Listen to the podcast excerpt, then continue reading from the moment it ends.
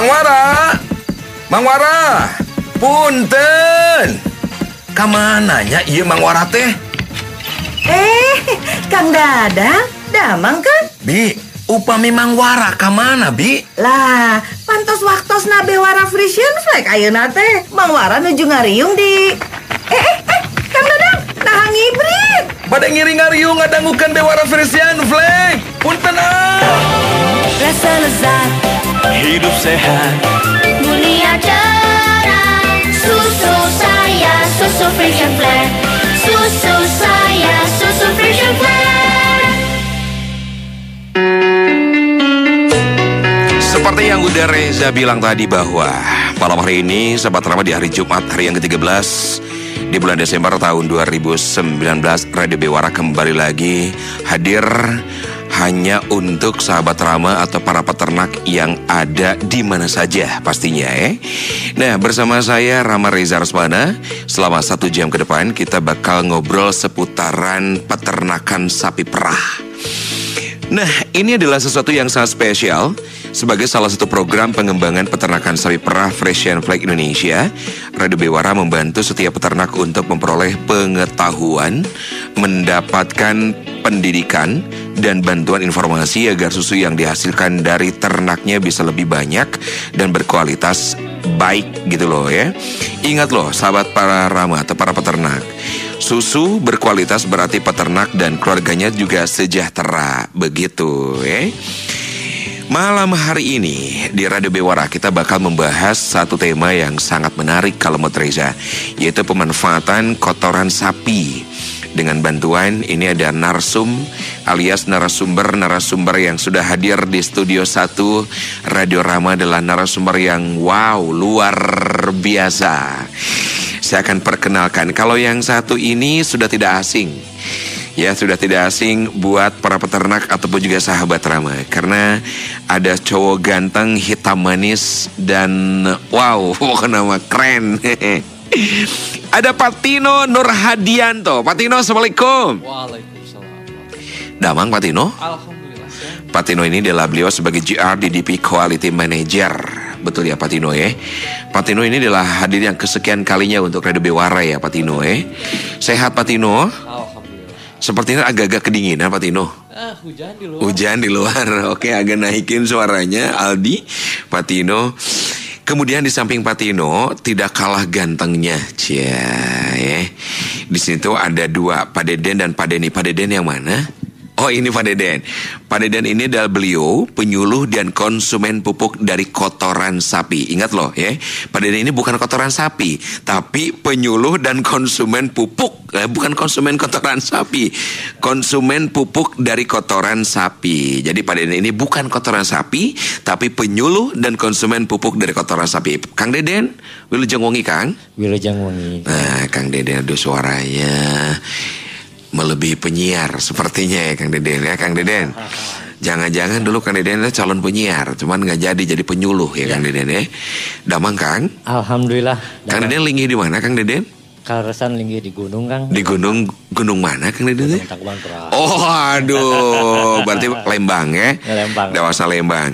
Di samping Kang Deden karena ada tiga narasumber. Satu lagi adalah Kang Deni. Kang Deni, Assalamualaikum. Waalaikumsalam warahmatullahi wabarakatuh. Beliau ini adalah konsultan program pemanfaatan kotoran. Laras ya, Kang Deni ya. Ya, konsultan program pemampatan kotoran Nah, sapi salah satunya. kotoran sapi Ya. salah satunya ya. Pada intinya adalah malam hari ini kita ngomongin tentang kotoran. Dia, tapi kotoran yang bermanfaat pastinya ya. Bukan kotoran sembarang kotoran, tapi kotoran sapi yang selalu ada pasti di situ ya di kandangnya atau daerah di mana ada peternakan sapi. Nah, eh, buat sahabat Rama ataupun juga para peternak jangan ke mana-mana nih. Selama satu jam ini harus dengerin kita berti, eh, berempat karena memang harus disimak baik-baik. Materinya yang harus disimak baik-baik ya. Karena nanti di akhir acara kita bakal menggelar quiz yang hadiahnya luar biasa paket menarik dari Fresh and Flag Indonesia. Jadi wajib banget untuk dengerin biar bisa ngejawab nanti. Di 085621211047 ingat loh di 085621211047 itu untuk WhatsApp Silakan bertanya nanti di situ, boleh. Atau yang mau telepon nanti untuk sesi kuis di 5211 632 5211 642. Harus disimak baik-baik obrolan kita. Baiklah. Karena sederetan pertanyaan sudah saya siapkan. Salah satunya pertanyaan saya akan len, lom, eh, lemparkan buat Pak Tino, ya. Pak Tino. Tapi Mas Tino deh enaknya ya, karena Mas Tino ini masih muda ya, sepertinya masih 12 eh 17 tahunan lah ya. Amin. Masih masih ranum-ranumnya gitu ya. Mas Tino, Reza punya pertanyaan nih. Terkait pemanfaatan kotoran sapi, adakah perkembangan terbaru nih? eh? Adakah perkembangan terbaru nih? Mungkin dari sisi regulasi maupun update dari tingkat peternak. Gimana nih Mas Tino? Ya, karena kita ini kan hidup di Jawa Barat kan. Iya. Sekarang ini kan pemerintah eh, menggalakkan satu program yang sudah berjalan dari dua tahun yang lalu kurang Betul, lebih, iya. ya. Ya, semua juga udah tahu namanya Citarum Harum. Nah, itu dia. Ini kan program yang sangat digencar-gencarkan dan Betul. Eh, pelaksanaannya pun sangat-sangat masif. ya. Iya, betul sekali. Nah, eh, salah satu sasarannya adalah adanya pencemaran dari Sungai Cikapundung Uh-huh. yang disebabkan oleh pembuangan kotoran sapi Hmm. yang di wilayah Lembang langsung ke Iya. perairan. Hmm, Kemudian di Lembang, eh, sorry di Pangalengan ini juga kasusnya kurang lebih sama. Ini ke Sungai Cikap, eh, Citarum. Citarum ya, Citarum Jadi- ya, ya, ya, ya. Banyak peternak yang ada di area tersebut yang sudah diharuskan untuk melaksanakan pengelola- pengolahan limbah dari kandang. Jadi tidak boleh langsung lagi dibuang.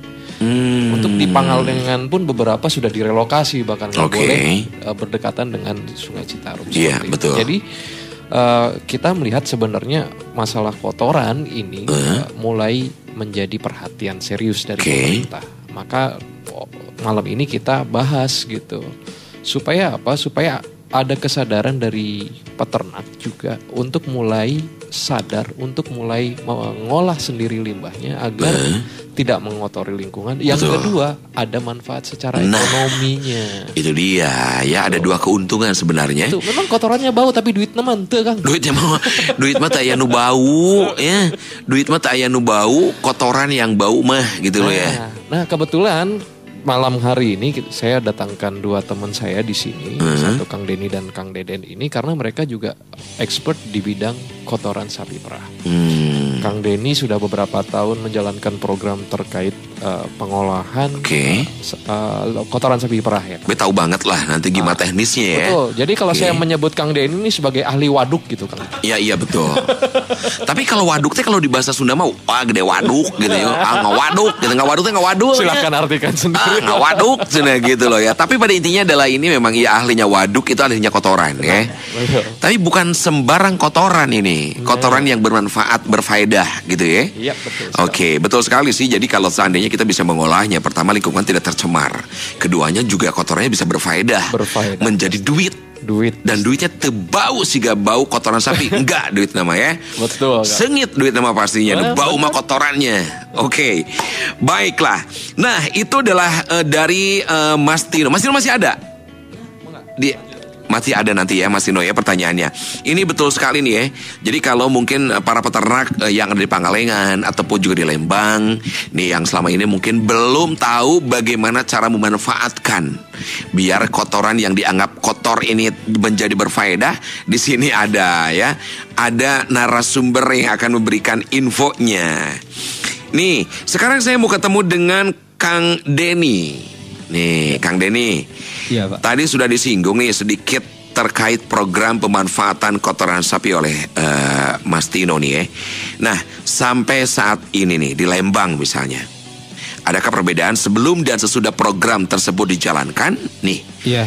Mangga. Eh, ya terima kasih Mas Reja atas eh, waktunya ya. Tadi menyoal masalah pemanfaatan. Tapi sebelumnya saya akan sampaikan mungkin supaya lebih jelas lagi Yep. karena eh, kami di Lembang itu kebetulan eh, sedang melaksanakan program namanya SIDPI Project. apa tuh Kang? SIDPI Project. SIDPI Project itu apa nih, gimana? peningkatan produksi sapi perah. Oh, Ya di Indonesia ceritanya. Nah, betul betul betul. eh, program SIDPI ini eh, dikerjasamakan Iya. dengan para pihak termasuk dengan Present Plah Indonesia. Iya, dalamnya. betul. Nah, Iya. Jadi eh, di SIDPI ini selain eh, Present Plah kita dari ada dari perguruan tinggi Belanda sebagai pelaksana yaitu Wageningen University, Hmm? KPSBU, Persenplah Indonesia, IPB juga serta Terun Nutrition. Nah, lima, lima lima pihak ini sebetulnya eh, bekerja sama dalam eh, kegiatan penanganan limbah dan Ya. eh, perbaikan pakan gitu ya Oke. di di wilayah KPSBU di sana di Lembang.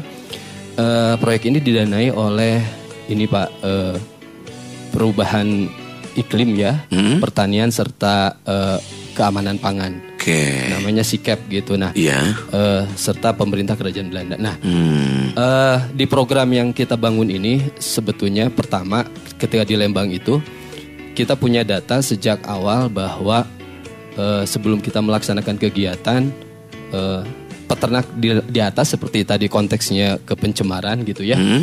betul dari eh, baseline survei yang kita laksanakan di awal Oke. Nih, ada sekitar ya 84% masih setengahnya mereka membuang kotoran sapi itu ke eh, apa ke lingkungan gitu ya. iya, betul. Dan ini menjadi dampak terhadap pencemaran eh, sumber air gitu Iya, ya. betul. Juga badan sungai dan lain sebagainya. Nah, saat ini setelah program ini berjalan, Hmm. eh, kita kurang lebih ada tiga tahun berjalan ya. Oke. gitu ya. Eh, Alhamdulillah kita juga ada beberapa apa peternak percontohan untuk bagaimana kita bantu kita dorong untuk menangani limbah secara maksimal. Iya. Kita mengidentifikasi peternak yang eh, apa berkeinginan untuk mengelola limbah itu berdasarkan kebutuhan mereka Pak Hmm. itu di Lembang itu. Nah nanti dari sana kita memiliki Betul. beberapa percontohan dan Iya. ini harapannya menjadi dampak bagi lingkungan di sekitar Iya. petani-petani atau peternak-peternak yang ada di sekitar. Betul, mudah-mudahan ya. Amin. Iya. Pada intinya adalah memang program yang dilakukan atau yang sedang dilakukan ini semua bertujuan supaya bahwa eh, kotoran ini tidak eh, betul tadi kata Mas Tino tidak mencemari, Iya. Tapi pada intinya adalah ada sesuatu yang manfaat dan menguntungkan para peternak juga. Betul. Kan ke sana ya tujuannya pastinya ya Kang ya. Iya, kita di program ini sebetulnya tujuannya emang ingin meningkatkan dari program yang dilaksanakan ini kita tujuan satu, kita ingin meningkatkan penghasilan peternak itu Nah, sendiri. itu dia ya. Kedua juga kita ingin meningkatkan kesejahteraan bagi Iya. peternak yang skala kecil di Betul. Indonesia, Pak, gitu ya. Nah, kita juga ingin eh, turut berperan dalam eh, program lingkungan yaitu menekan emisi gas rumah kaca karena Oke. salah satu dampak dari kotoran ternak dibuang ke alam itu gitu ya. Salah Kon- satunya, Salah ya. satunya Salah itu satunya. mengakibatkan Betul. ya pemanasan global lah yang saat ini kita Betul, rasakan ya. betul, betul, betul Ya. sekali. Iya. Nah, ini memang harus disimak baik-baik nih oleh sahabat ternak atau para peternak ini, karena semua tujuannya adalah untuk para peternak sendiri, gitu loh ya. Lebih ke masalah pendapatannya itu. Nah, coba ini dari eh, Kang Deden nih sebagai penyuluh dan konsumen pupuk dan kotoran sapi. Ini pertanyaannya dari saya nih Kang Deden sebagai penyuluh sekaligus konsumen nih. Apa sih kendala dalam pemanfaatan kotoran di kalangan peternak. Memangnya kalau kotoran ini dijual ada yang mau gitu loh ya. Kenapa juga kotoran kok bisa dijual misalnya gitu loh ya. Bisa menghasilkan jadi duit atau enggak? Mangga Kang Deden. Siap ketuhun Kang Reza. Jantan kieu Kang. Eh, Mhm. upami ninggal eh, kendala di peternak Mhm. gitu. Justru abdi ninggalnya secara secara umumnya mungkin kemauan ya. Yep, Yang betul. utama itu kemauan. Iya. Kemauan menambah penghasilan. Nah, menambah penghasilan. Jadi jangan jangan malu, jangan ragu untuk eh, mengolah Oke. khususnya kotoran sapi ya. mhm. Eh, jangan ragu karena dari asalnya kotoran malah jadi berkah, Bang. bener. Ya, kesannya Iya, jadi berkah. Betul. Kalau dilihat dari eh, kebutuhan para petani, para Iya. pengguna pupuk, Mhm. khususnya pupuk dari hasil olahan eh, ternak eh, kotoran sapi, Iya. itu peluangnya sangat luas sekali, Oke. sangat besar sekali, sangat besar sekali.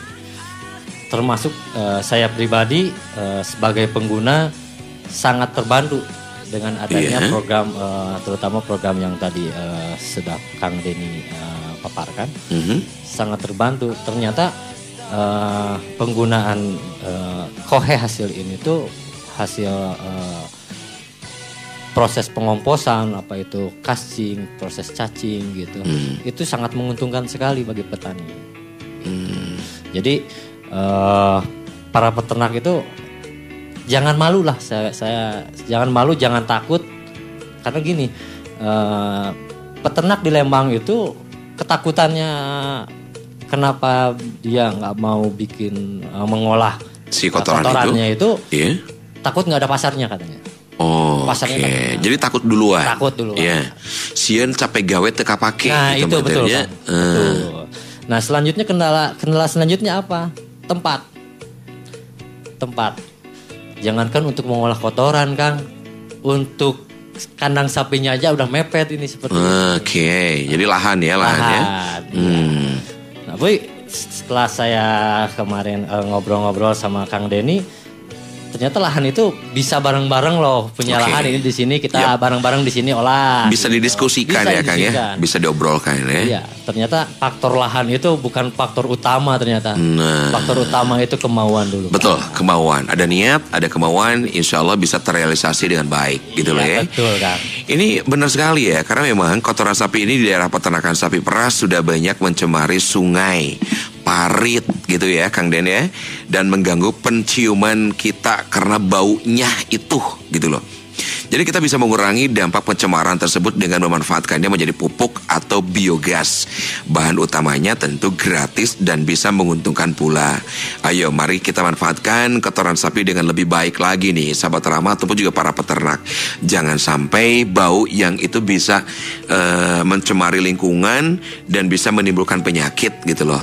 Mangga yang tadinya akan menimbulkan penyakit tapi menjadi duit. Bagaimana caranya? Nanti akan disampaikan oleh orang-orang yang eh, eh, sangat penting dan eh, berkompeten di bidangnya ini yang ada di Radio Bewara malam hari ini. Tapi kita jangan ke mana-mana karena ada sebuah obrolan yang harus kita juga simak nih dalam bentuk mini drama. Wajib banget buat sahabat Rama atau para peternak dengerin baik-baik. Seperti yang Risa bilang tadi di akhir eh, Radio Bewara ini kita bakal ngegelar quiz. Kalau menyimak baik-baik, insya Allah bisa menjawab pertanyaan yang bakal kita sampaikan. Jangan ke mana-mana, sekali lagi mesti simak yang satu ini nih. nih.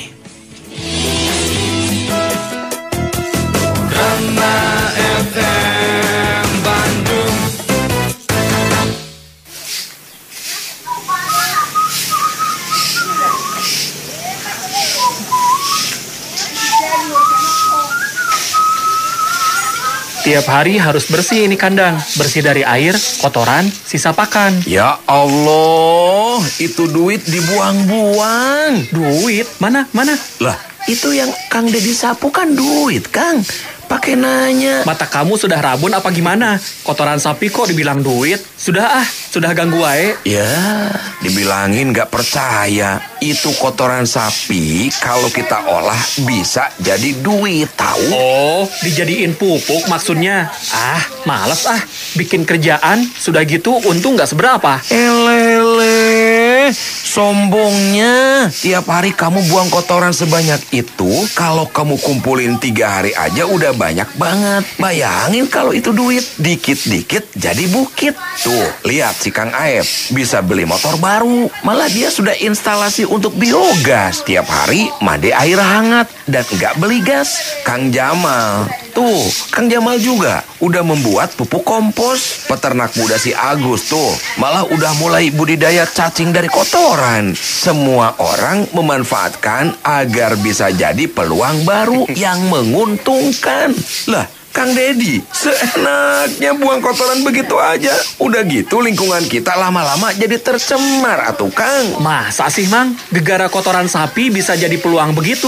Makanya jangan kudet alias kurang update. Kotoran sapi itu Kang bisa kita manfaatkan untuk macam-macam hal. Ngobrol atuh makanya Kang Nanya atuh Sama orang yang sudah berhasil Jangan bertapak di goa Kang Usep bisa aja. Sok atau ajarin saya gimana mulainya supaya bisa manfaatin kotoran sapi biar jadi untung. Ayo sini, saya ajarkan.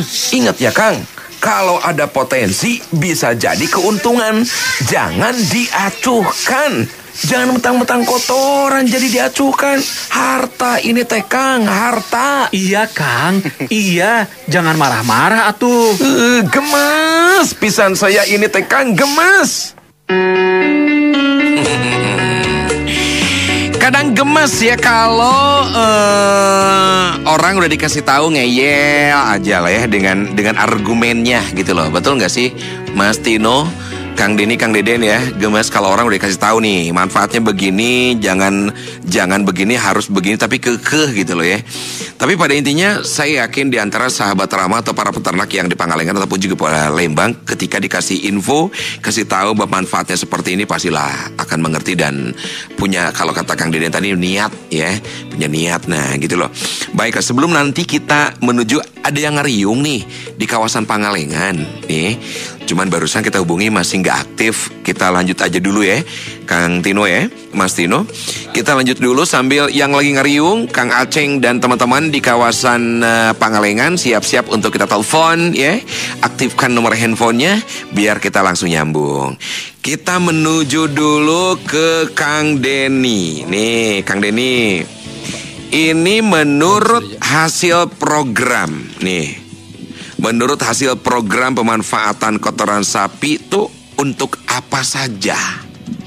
Eh, iya, untuk apa saja ya hasil Hmm. dari program ini sebetulnya eh, kotoran sapi yang diproduksi atau diolah Mhm. eh, dari dulu Oke. itu dimanfaatkan sebagai pupuk sebetulnya ya. Iya. Jadi eh, oleh petani kita eh, kotoran sapi itu dulu menjadi pupuk eh, yang sangat eh, bagus kualitasnya Iya. karena eh, banyak mengandung nutrisi sebetulnya. Nah, Yo. eh, produk sayuran, produk buah gitu ya. Mhm. Jadi tanaman sayuran, tanaman buah serta bahkan ke bunga potong gitu ya. Hmm. Nah, ini bisa bisa menjadi apa eh, target untuk memasarkan tadi ya Yep.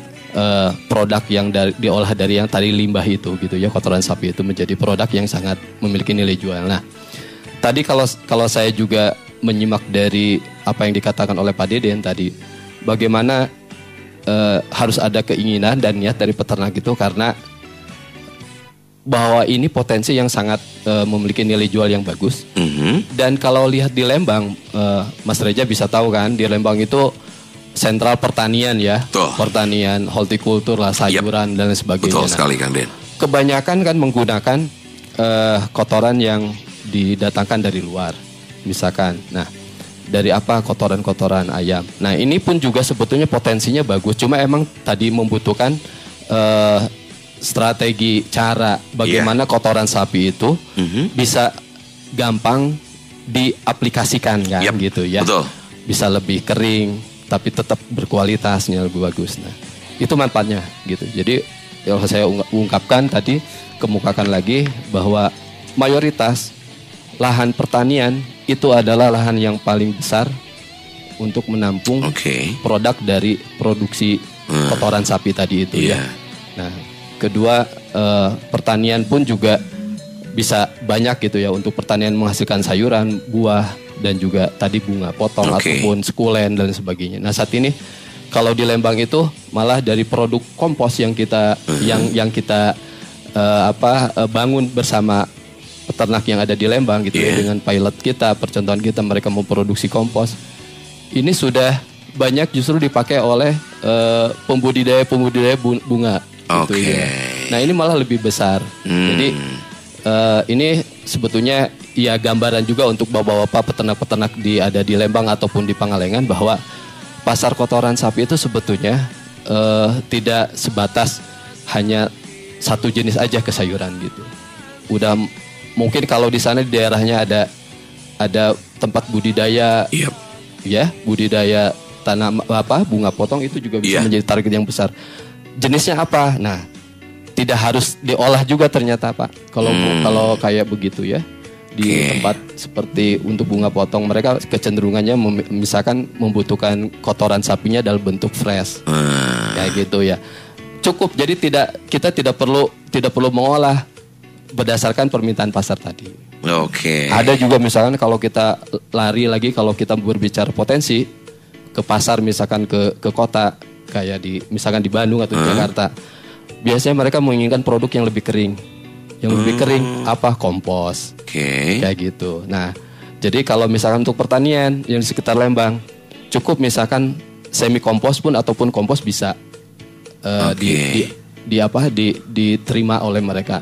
Apalagi tadi kalau berbicara produk yang di dibuat bersama budidaya cacing gitu Iya. tadi kan di komposternya oleh Betul. cacing jadi menghasilkan vermikompos sebutnya Oke. istilahnya ya gitu nah ini justru lebih bagus kualitasnya juga untuk Hmm. pertanian Kalau yang tadi Kang eh, Denny sampaikan masih fresh itu maksudnya Iya. yang jadi yang kotoran sapi yang keluar dari sapi borojol gitu ya. Bolotol gitu Oh. ya keluar terus dikumpulkan Hah? biasanya ya di karung Oke. gitu ya dalam jangka waktu berapa hari gitu Iya. ya seminggu biasanya itu sudah sudah ada yang narik atau dua Oke. minggu udah ada yang narik gitu. Ah. nah perbedaan ini yang harus juga kita lihat dilihat dari wilayah di situ gitu ya mana pasarnya Oke. Jadi makanya tadi petar- peternak itu juga harus harus kreatif juga mencari eh, apa melihat lingkungan kondisi Oke. sumber-sumber bisnis yang lain yang hubungannya tadi dengan tadi dengan masalah pupuk gitu ya. Oke. Jadi jangan kita menggunakan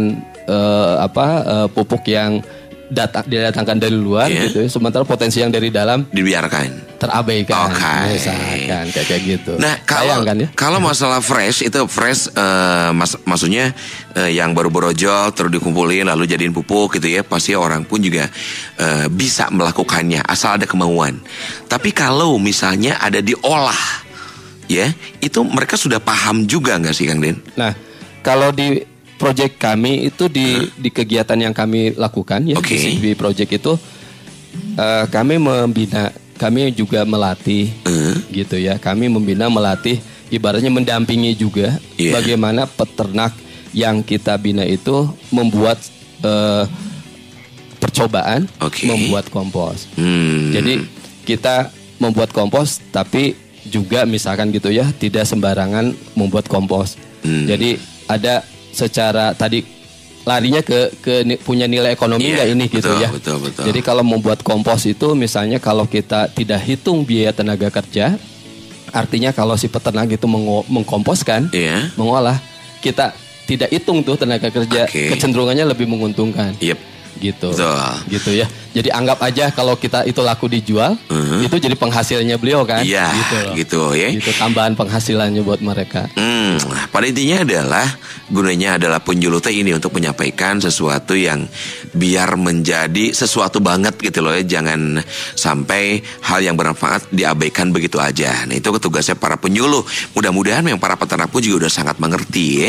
Nah sekarang ke Kang Deden. Kang Deden, sebagai konsumen apakah pupuk dari kotoran sapi lebih bagus dibanding pupuk buatan? Apa sih bedanya nih Kang Den? Eh, kalau lihat perbedaan Mhm. sama berarti masuknya ke kandungan ya Kang ya. Yep, betul, betul, Kandungan betul. Pasti apa aja sih yang ada di kotoran Hmm. sapi apa di pupuk buatan. Iya, betul. Eh, kalau di kotoran sapi atau pupuk dari olahan kotoran sapi jelas itu kaya dengan eh, kandungan-kandungannya Oke. yang tidak akan didapat eh, dari ka- eh, pupuk buatan. Mhm. Terus eh, jangka panjangnya, jangka panjangnya itu ke eh, unsur tanahnya jadi lebih bagus, Hmm. itu jelas. Ke fisiknya pun jadi lebih bagus Betul. ketimbang penggunaan dengan pupuk buatan. Oke. Jadi eh, intinya penggunaan pupuk eh, kandang, pupuk dari eh, olahan eh, kotoran sapi itu Oke. eh, bisa dibilang lebih apa ya namanya lebih ramah lingkungan lah, Hmm, lebih ramah lingkungan. iya. Itu lebih jadi nyambung sama program-program yang eh, seperti Citarum Harum tadi kata Hmm. Pak- Pak Tino gitu. Yep, betul. Hmm. Terus eh, dilihat dari kalau dilihat dari hasil pertanian jelas Kang. Hmm. Karena tanahnya menjadi subur, Iya. tanamannya pun jadi lebih bagus kan. Iya ya. Jadi secara logika pun udah udah udah jelas nyambung. ya. Iya, betul sekali. Tuh, Jadi jangka panjang terutama jangka panjang. Oke. Kalau kita mau usaha pertanian apa peker- eh, perkebunan apa pun itu, kalau mau jangka panjang ya tanahnya harus diperbaiki dulu dong gitu. Jangan sampai kita memaksakan tanah yang udah jelek sama pupuk buatan. Oke, dan hasilnya pun juga tidak akan Iya, optimal tidak ya. maksimal. Betul. Jadi bedanya adalah yang lebih kentara dengan pupuk lain Yang paling menonjol perbedaannya adalah Yang paling menonjol kandungannya Kang. kandungannya ya. Kandungannya lebih kaya. Betul. Oke. Eh, yang ini umum kan ya kalau Iya, misalkan betul. eh, seperti urea itu kan cuma ada nitrogennya aja. Hmm. Sedangkan kalau di pupuk kandang kan nitrogen, eh, fosfor sama kalium, terus kandungan seng, magnesium semuanya udah Ada ya, lengkap di udah lengkap ya. Tapi kalau misalkan di pupuk eh, buatan itu sesuai kebutuhan aja. Kalau misalkan Oke. butuhnya nitrogen ya beli aja urea gitu kan. Kalau butuh NPK nah, sekarang ada NPK 16 16 gitu kan. Mhm. Nitro- nitrogennya 16 kandungannya terus eh, kaliumnya 16, fosfornya 16 itu hanya sebatas itu aja. Hmm. Jadi jelas banget ini ya apa yang disampaikan oleh Kang Deden ataupun juga Kang Denny ya buat para peternak yang di Pangalengan ataupun juga yang ada di Lembang ini. Bagaimana manfaatnya, bagaimana kualitasnya dibandingkan dengan pupuk yang lain ini. Nah, di seberang sana tuh sekarang Kang Tino, eh Mas Tino, mm, Kang Deden sama Kang Denny lagi ada Kang Aceng ya. Kang Aceng sedang dihubungi oleh operator kita untuk menghubungkan kepada Kang Aceng yang ada di kawasan Pangalengan. Beliau-beliau ini lagi ngariung. Cie, kayaknya seru nih ya. Saya pengen tahu ngariungnya seperti apa.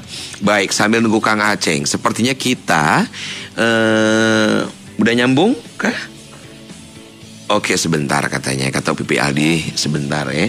Baik, ini pertanyaan sudah retem. Kang Deden, Kang Deden sudah tahu retem. Kang Tino, Mas Tino tahu retem nggak? Oh tahu ya retem ya. Billy, Mas Tino mah tahu retem nih ya. Oke udah siap? Oke, baiklah kita menuju ke Kang Aceng. Ada yang bilang saya bukan Kang Aceng, Kang Aceng, sanes Kang Aceng ya mahnya. Kang Aceng udah siap? OPP Aldi sudah siap ya. Assalamualaikum. Waalaikumsalam. Kang Aceng ya teh. Mohon. Kang Aceng, aduh, ada uh, foto-fotonya alitan sekedi Kang Aceng. Hah?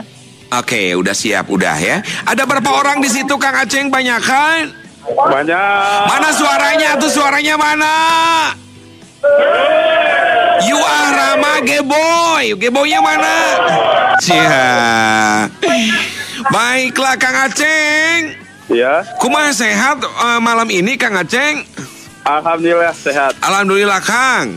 Nih Ya. ada seribu orang yang lagi ngariung Kang. Ayah cenanya. Sebelum kita ke pertanyaan, sebelum kita kenal lebih jauh, coba yel-yelnya seperti apa Kang Aceng? Siap. Siap cuna.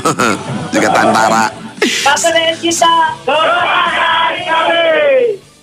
Masih. Sama FM Jeha. Uh. Oke diulang satu, diulang satu, dua, tiga. Pasangan kita Rama FM Ciai. Bari ngagare boy bukan namanya. Kang Aceng. Ya. Di sini ada Mas Tino, ada Kang Deden, ada Kang Denny. Silahkan ya, Kang Aceng bisa menyapa lalu juga memberikan pertanyaan. Mangga silahkan menyampaikan pertanyaan. Mangga atau menyapa dulu buat mereka bertiga ini. Mangga silahkan Kang Aceng. Ya, untuk yang di sana eh, salam-salam dari anggota KPBS Pangalengan. Mm-mm. Ya. Terus salam-salam juga untuk peternak KPBS Pangalengan yang lagi sama-sama mendengarkan radio lama. Cie, Kang Aceng. Ki malam hari ini kan kita ini nih eh, temanya ada berhubungan dengan kotoran yang dimanfaatkan akhirnya berfaedah untuk menjadi sesuatu yang eh, menguntungkan gitu loh ya. Nah mau Iya. nanya nih, peternak yang eh, apakah nih sudah banyak nggak sih peternak yang memanfaatkan kotoran sapi di tempatnya Kang Aceng? Eh, Alhamdulillah untuk di KPBS Pangalengan Eh, sudah banyak yang memanfaatkan kotoran sapinya. eh, Salah satunya ada pemanfaatan dengan digunakan seperti biogas, Oke. terus eh, penggunaan untuk pakan cacing, eh. iya.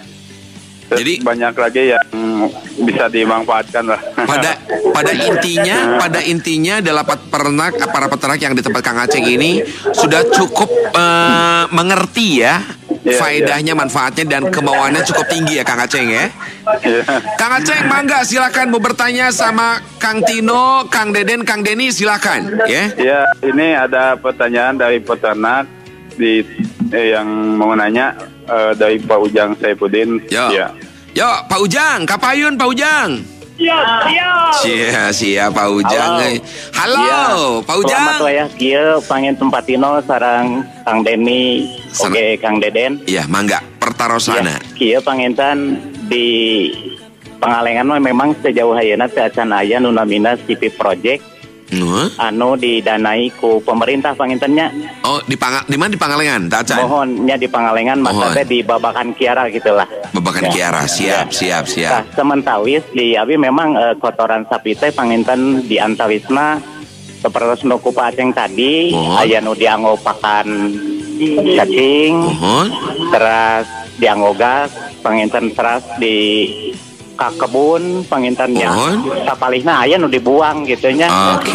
Nah, anu janten permasalahan panginten memang sangat setuju seperti anu tadi kotoran hewan Mohon. diolah jantan uang gitu nya Oke. tapi anu jantan permasalahan anak panginten hiji panginten cara mengolah teh kumaha Oke. margi keterbatasan ilmu panginten Nah. peternak tina hal ieu mah tanyuhunkeun dijelaskeun pangintennya kumaha ye supados Ngartos. leres-leres kotoran jantan uang teh gitu tah Nah. nuhun panginten Nah, Kang Ujang, di sini ayah Iya. penyuluhnya, jantan tugasnya penyuluh. Bagaimana teknisnya supaya untuk cara mengolahnya kayak gimana? Ayo, Kang Deni, Kang Deden, Kang Tino, mangga. Yo, Ya. Assalamualaikum Pak Ujang. Alhamdulillah. Atur nuhun eh, salam kanggo ka peternak di Pangalengan sadananya anu ngadangu eh, sia- radio Bewara. Ya eh Abdi sawes bahasa Indonesia-nya Pak nya. bios, bahasa Indonesia atau bahasa Sunda? campur lah. Campur ya. Mohon. Iya. Ah, mohon. Jadi kieu Pak eh upami tadi kan Bapak naros perkawis eh, cara mengolah nah kumaha gitu ya supaya dari kotoran sapi menjadi eh, produk yang menghasilkan. Nah, eh, Bapak badai pilihan naon biasanya di program yang anu ku abdi dijalankan di pro, di Project Sitpi, Pak, ya. Eh, tapi Abdi badai meluruskan tadi tadi sanes proyek pemerintah Pak ya? Program SITP itu jadi dari eh, luar gitu Pak ya? Dari perguruan tinggi Belanda. Nah sarang para pihak nusanes nah jadi mengolah kotoran sapi itu tadi eh, sata acana sesuai sarang kebutuhan Bapak badai ngolah dalam bentuk eh, dibikinkan kompos Iya, atanapi di permikompos upami permikompos kan di Pangalengan tos terkenal ya. Tos seueur anu ngebudidayakan kumaha carana ngadamel pupuk eh, anu dikombinasikan sarang eh, cacing ya.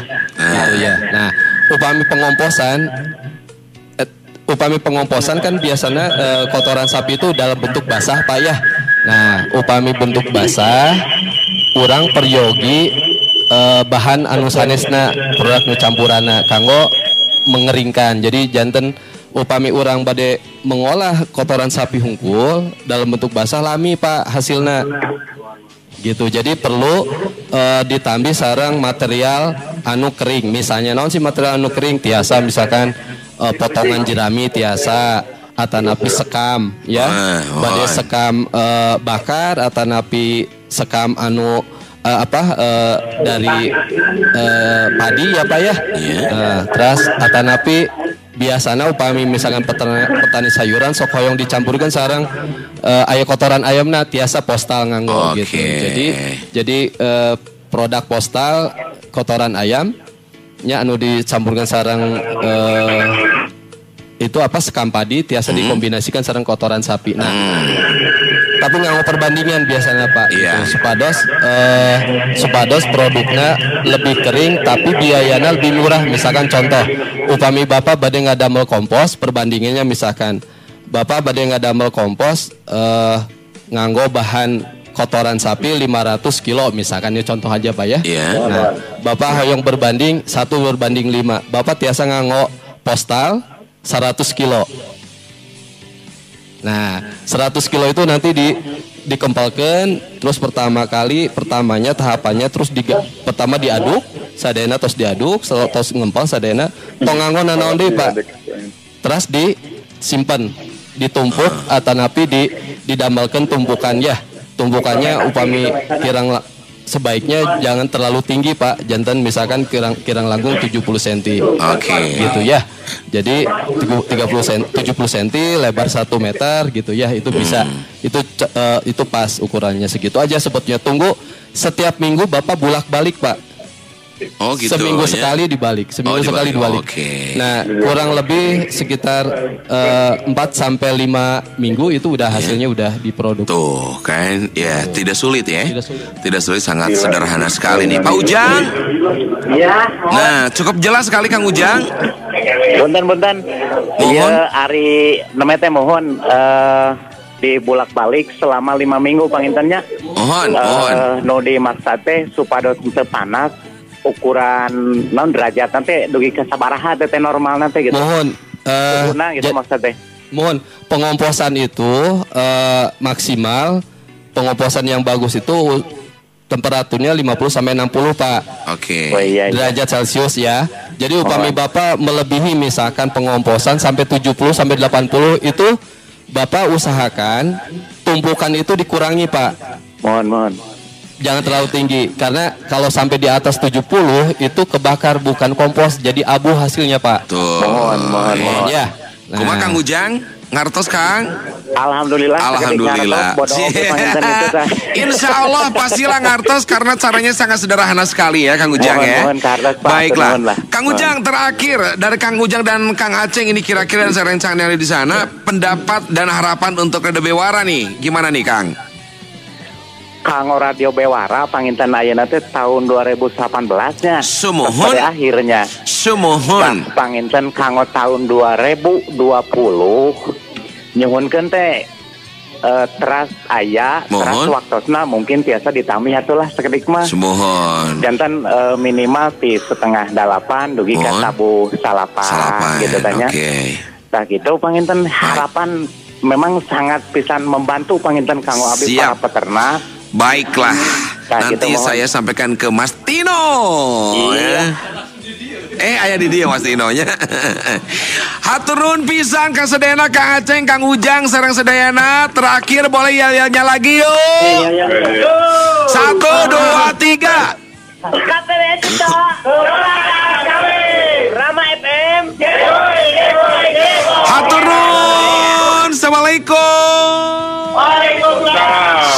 Seru ya, senang, senang, senang, senang. Nah, ini ada waktu lagi sebelum kita ke kuis, ada pertanyaan dari eh, para peternak lewat WhatsApp ini ya.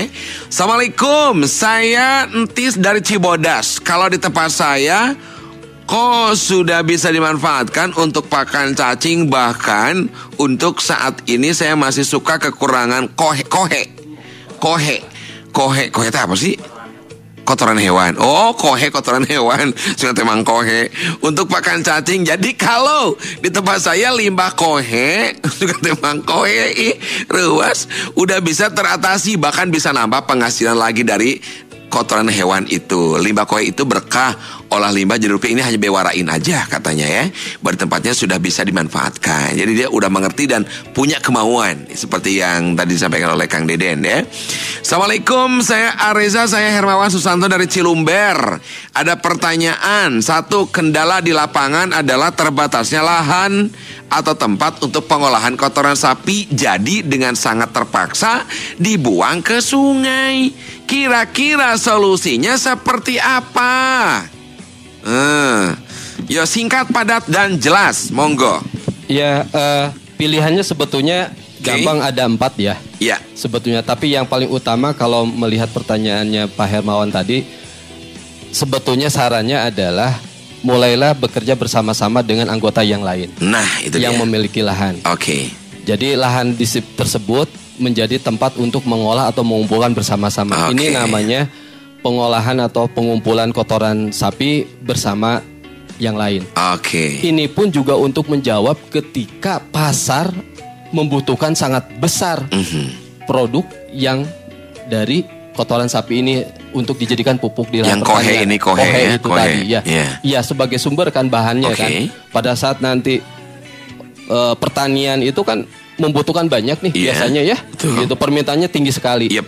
Kalau sendiri-sendiri kita gitu Iya. ya, Pak. Itu sangat susah sekali untuk memenuhi pasar. Oke, coba berdiskusi dengan yang Ya, lain ya. apalagi misalkan kendalanya kita tidak memiliki tempat, Hmm. maka solusinya yang salah sat- satunya lagi si kohe tersebut sebetulnya bisa jadi diberikan ke petani Oke. kreatifnya, bisa jadi diberikan ke petani atau dijual nyari sendiri gitu. Yang Iya. fresh tadi bisa dijual atau tadi di tingkat petani itu di tingkat eh, peternak itu kita bisa ngumpul bareng-bareng. Iya. Jadi itanya penanganan kotoran sapi secara berkelompok pak. Nah, itu, itu bisa dia. pak Iya. sebetulnya. Kalau mau contohnya ada di Mhm. kami. Jadi misalkan salah satunya ya tadi dibilang di Cibodas itu di Kampung Iya. Areng itu ada. Jadi eh, kami membuat satu percontohan dari beberapa peternak kurang lebih ada 14 peternak Mhm. mengalir satu titik. Iya. Jadi di ujung itu di eh, ada petani sayuran yang memiliki lahan Oke. dia me, apa ibaratnya bekerja sama dengan peternak untuk merelakan lahannya di- dibuat penampungan besar. Lalu dari penampungan itu dari berbagai macam kotoran sapi dari beberapa kandang masuk ke satu titik Iya. dan dari satu titik itu diangkat kotoran itu dan dibuatkan kompos. Nah, itu ya. Yang cairnya itu didistribusikan ke lahan-lahan sayuran Oke. yang cairnya ya gitu, yang liquidnya. Sedangkan yang ampasnya tadi diangkat menjadi produk kompos. Nah itu dikerjakan oleh kelompok pak, satu kelompok. Nah, ini pun juga ya. Strategi pak itu. juga. Betul sekali ya Pak Kang Herman Susanto, Kang Hermawan Susanto monggo apa yang disampaikan oleh Kang Denny tadi, mangga silakan bisa dikerjakan dengan yang lainnya gitu berbarengan ya, bareng-bareng. Baiklah. Eh, banyak sih yang bertanya, tapi nggak mungkin kita semuanya disampaikan di sini karena kita harus menuju dulu ke kuis nih. Buat para peternak, kita bagi-bagi dulu rejeki nih.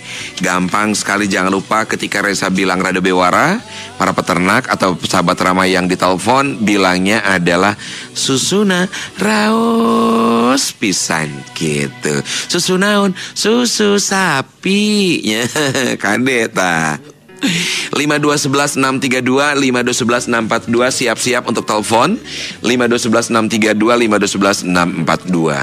Ini pertarosannya adalah sebutkan tiga pemanfaatan kotoran sapi gampang. Kalau dari tadi ya Kang Dini ya menyimak pasti tiasa ngawalarna sebutkan tiga pemanfaatan kotoran sapi. Nah, telepon 5211632, 5211642 atau telepon by WhatsApp di 0856 212 1047. Oke, pertarusannya adalah saya ulangi kembali, sebutkan ini tangan. Tiga pemanfaatan kotoran sapi ya.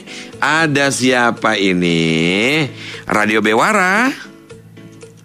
Radio Bewara. Halo? Ya, Radio Bewara. Halo. Susuna raos pisan. Cie, sarang saha ieu teh? Kang Entis. Di mana? Cibodas, Kang Entis Cibodas. Uh, keren. Kang Entis. Kumaha Ya. Ci- Cibodas tiris? Iris, Iya. hujan Pak. Oh, hujan. Sok atuh Kang Entis diwaler mangga. Sebutkan tiga pemanfaatan kotoran sapi. Satu, apa? Buat pakan cacing. Dua, Buat diolah jadi kompos buat pupuk. tiga. Buat biogas. Oke, tunggu dulu ya. Saya akan terima telepon berikutnya. Apakah jawaban dari Kang Entis itu betul atau tidak? Nih, di 085621211047 telepon by WhatsApp atau telepon di 5211632 Coba silahkan. Nih, yang ini.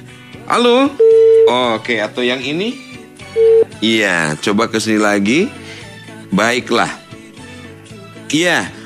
Oke, berarti karena waktunya kita eh, jawab saja dari Kang Denny, Mas eh, Tino dan Kang eh, Deden. Kira-kira jawaban dari Kang Entis Cibodas ini betul atau salah? Selamat Kang Tis. Ternyata jawaban Anda betul, sekali. Hehehe, Baiklah, selamat yang telepon lagi maaf ya karena waktunya udah habis. Silakan Kang Tis bisa ambil hadiahnya di Radio Rama, jangan di Radio Transistor ya. Kamu di Radio Nutup para Rugu mah jangan.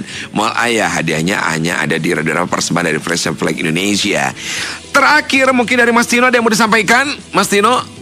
Ya, eh, mulailah untuk sadar mengelola eh, lingkungan kita Iya, dimulai betul. dari kandang kita juga. Mhm. Itu sih Kang. Mungkin eh, sedikit eh, kata dari saya karena ini juga siaran kita terakhir di tahun 2019. Betul, ya. betul sekali. Saya dari mewakili perusahaan Vision Flag Indonesia mengucapkan terima kasih atas dukungannya dari peternak yang ada di Lembang, di Pangalengan, bahkan di Jawa Timur dan Jawa Mhm. Tengah pun mereka sering mendengarkan kita Kang Leps. Wow, Terima alhamdulillah. kasih atas dukungannya dan tunggukan tunggu kami kehadirannya di tahun 2020. Iya, betul. Seperti apa programnya? Iya, Dan ada di mana? Radio Wara tunggu saja di tahun 2020 nanti ya. Yep, Baik sekali, hatur nuhun, Kang Deden hatur nuhun, Kang Deni hatur nuhun, Mas Tino juga hatur nuhun pisan. Ya pasti jangan ke mana-mana. Nanti tunggu sekali lagi Radio Bewara di tahun 2020. Programnya akan lebih keren lagi pastinya ya. Jangan ke mana-mana, masih bareng Rama Rizal Semana sampai jam eh, 10 malam nanti. Baru saja. Bewara Frisian Flag Indonesia. Bewara Frisian Flag Indonesia. Semoga berguna untuk semakin memajukan bisnis sapi perah di Indonesia. Jangan sampai ketinggalan Bewara Frisian Flag Indonesia berikutnya hanya di 104,7 Radio Rama FM Bandung Geboy Mania. Juara mengudara. Maju terus. Peternak susu perah Indonesia. Rasa lezat, Hidup sehat. Mulia cerah. Susu saya, susu Frisian Flag Susu saya